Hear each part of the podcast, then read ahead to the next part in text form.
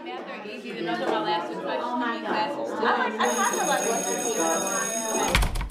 med pæra!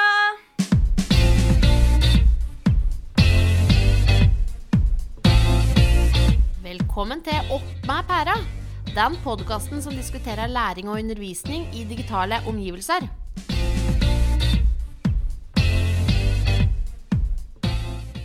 Hei.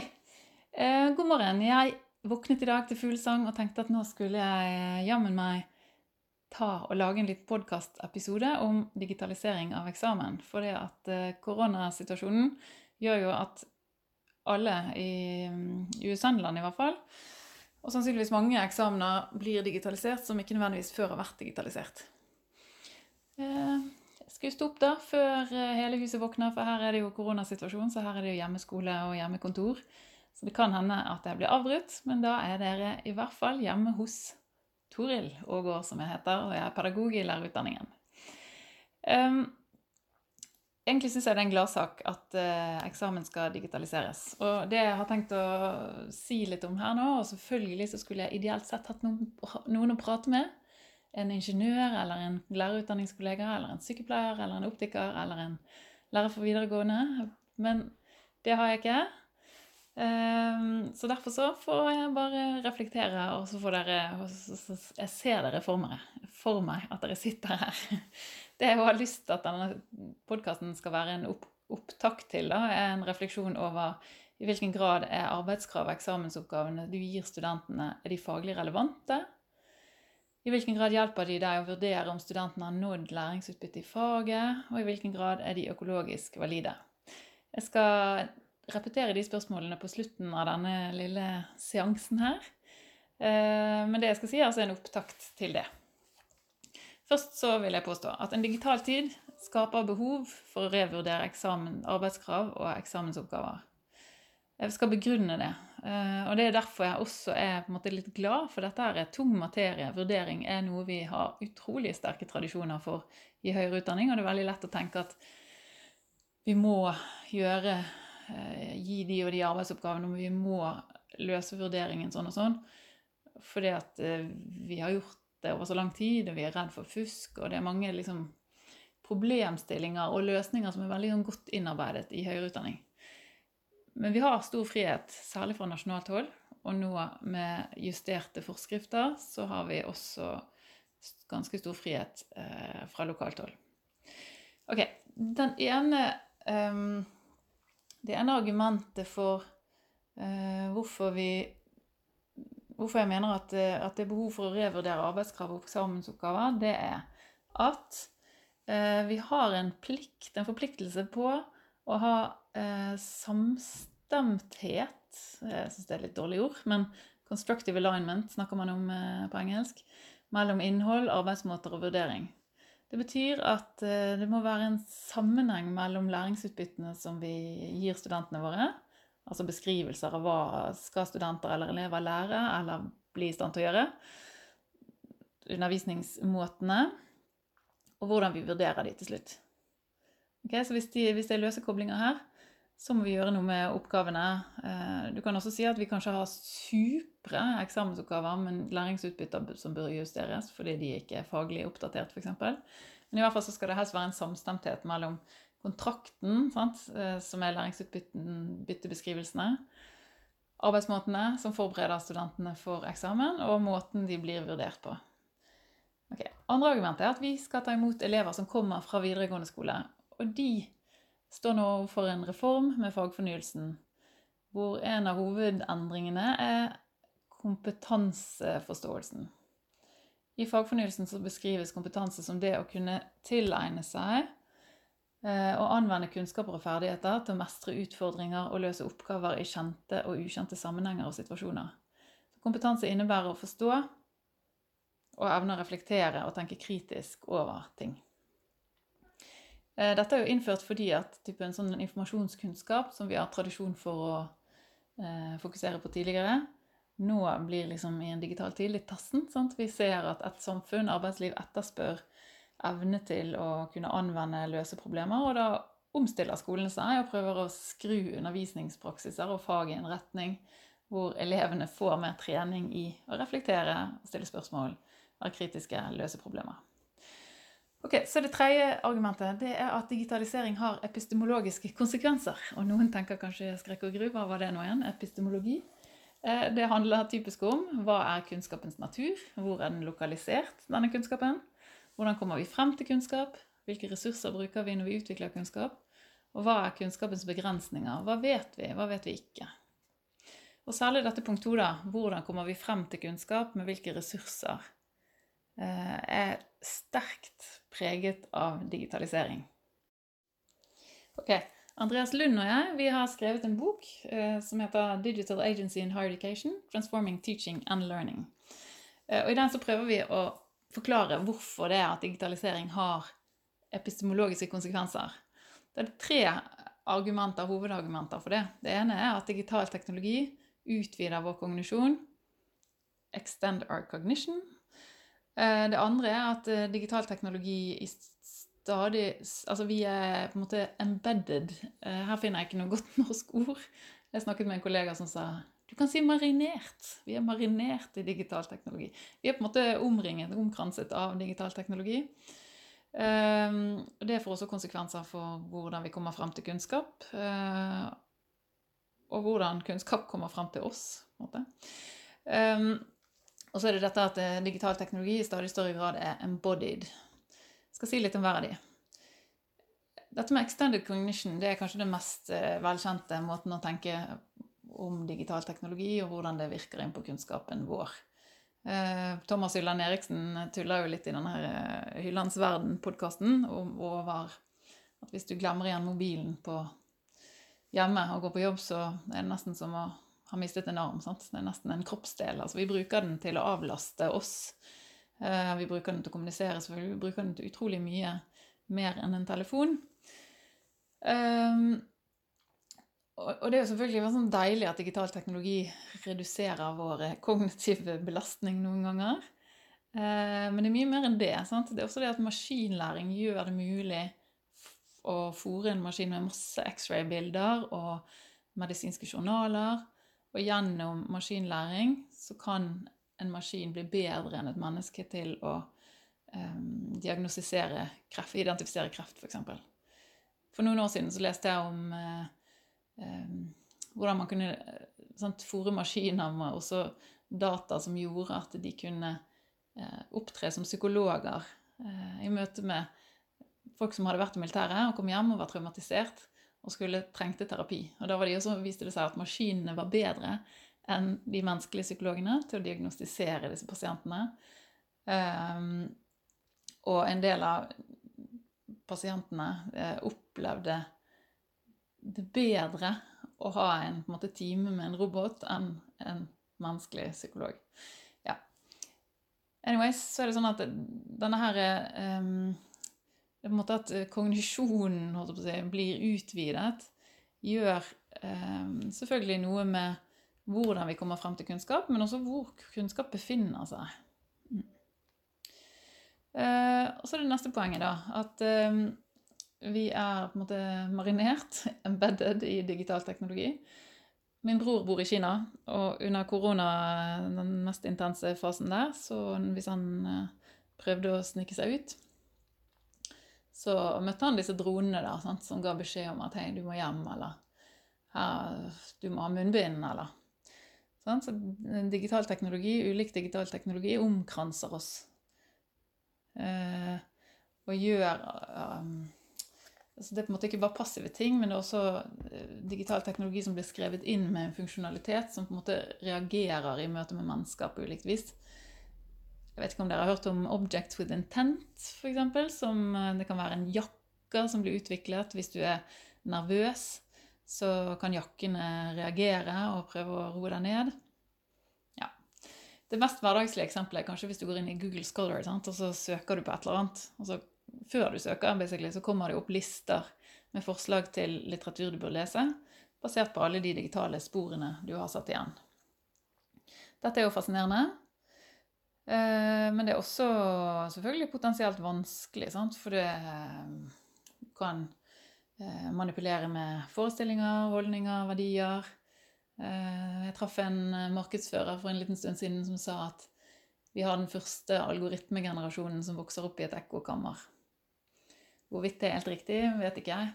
Det har jeg prøvd å gjøre litt research på. Jeg tror ikke det er så galt, men, men eh, uansett så er det et fenomen som gjør at eh,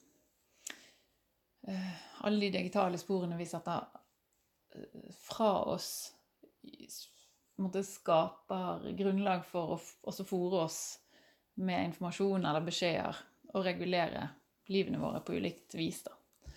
Og kunnskapsarbeidet som en del av det. Og så er det dette med at digital teknologi er embodied. Eh, kanskje sitter mange nå og ser på klokken, og der har vi en eh, smartklokke. Vi, vi bærer på oss digital teknologi. Én ting er jo en klokke sant, som er ytre, men det finnes også helsechips som kan eh, analysere blodsukker, kolesterolnivået og egentlig også identifisere kreftceller. Det fins apper. Det fins f.eks. en app som heter The Deadline App, som sammen med en helsechip kan, eller skal, jeg vet ikke hvor god den er, skal være mulig å liksom forutse hvor langt liv du kommer til å ha, basert på eh, livsstil og medisinsk tilstand.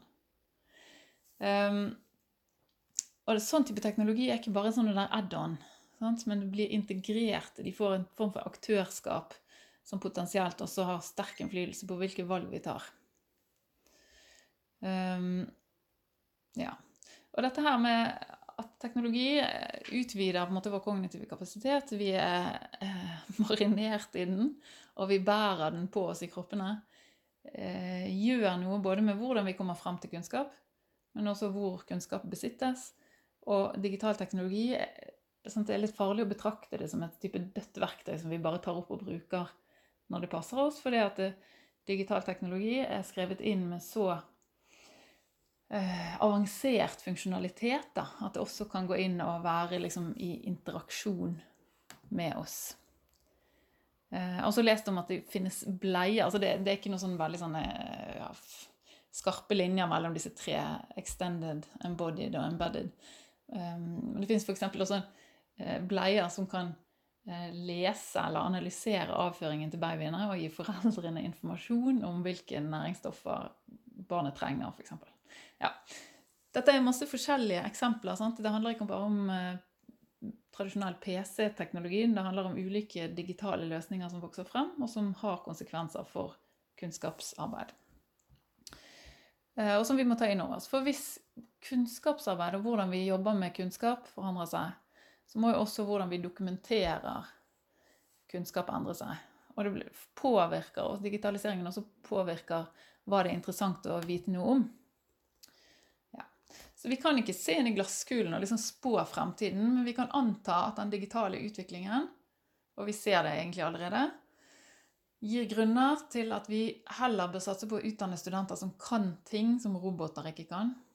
Som kan tenke kritisk, som kan jobbe kreativt med problemløsning, som kan samarbeide, som kan anvende ny fagkunnskap, stille spørsmål ved og utvikle ny kunnskap. Eh, Dette her er type ferdigheter som også er nevnte sted at samfunnet etterspør, arbeidslivet etterspør, og som også ligger til grunn for den nye liksom, kompetansebeskrivelsen i fagfornyelsen. Um, jeg skal trekke tilbake til det der samstemte undervisningspoenget i sted. Sant? Det skal være en sammenheng mellom hva studentene skal lære, hvordan de jobber med det, og hvordan du skal vurdere det. Eh, Jeg har noen ganger hatt litt sånn bismak i PED, da. For jeg har tenkt at åh, jeg skal lære studentene mine å ja, Eller i læringsutbytte kan det stå sånn Studenten skal lære å kommunisere med elever, foresatte og kollegaer i forsøket på å utvikle seg profesjonelt. Ja, noe i den gaten. sant? Og så har jeg kanskje liksom vurdert om de kan det ved å be de skrive en tekst. Og da har jeg tradisjonelt vært opptatt av at de skal ha lest en del sånn kommunikasjonsteori. Så da er oppdraget egentlig å skrive en tekst om de som har skrevet om kommunikasjon. Litt satt på spissen, sant? De skal jo gjerne reflektere litt selv òg. Trekke inn praksiserfaringer. Men likevel så er det ganske sånn fattig uttrykk for i hvilken grad de har oppnådd den, det læringsutbyttet som, sånn som det står beskrevet i emneplanen.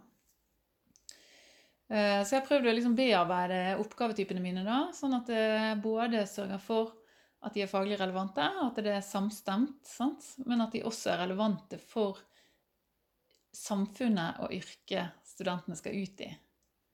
Ok, Jeg skal ha et eksempel, vise et eksempel. Studenter i PED skal f.eks. kunne ha kunnskaper om hva etikk er, og, hvor, og hva som kjennetegner etisk refleksjon i skolen. De skal kunne reflektere over yrkesetiske dilemmaer og kunne anvende etiske perspektiver. De skal ha kunnskap om hvordan et godt læringsmiljø kan fremmes. Hvis jeg skal vurdere det, sant, så blir det vanskelig for meg å vurdere om de har denne kunnskapen og etikk, om de kan eh, reflektere et, altså over etiske dilemmaer, om de kan eh, på vise meg at de vet hva et godt læringsmiljø er, bare ved at de skriver en tekst. Så da har jeg tenkt ok, vi må jobbe, dette, jobbe med dette på andre måter. Vi må sant, få de til å gå ut i praksisen sin og undersøke hva er etiske dilemmaer. Hvilke etiske dilemmaer kommer til uttrykk her? Ehm, for å kunne det, så må de vite noe om hva etikk er. Da må vi lære det. Eh, de må vite hva et dilemma er. Da må de lære det. De må vite at lærere har en yrkesetisk plattform, så da må de lære det. Ehm, og så, ok, Hvordan skal jeg få tak i disse dilemmaene de opplever? da? Hvordan skal de dokumentere de? Ja, de kan skrive de, det har de gjort noen ganger.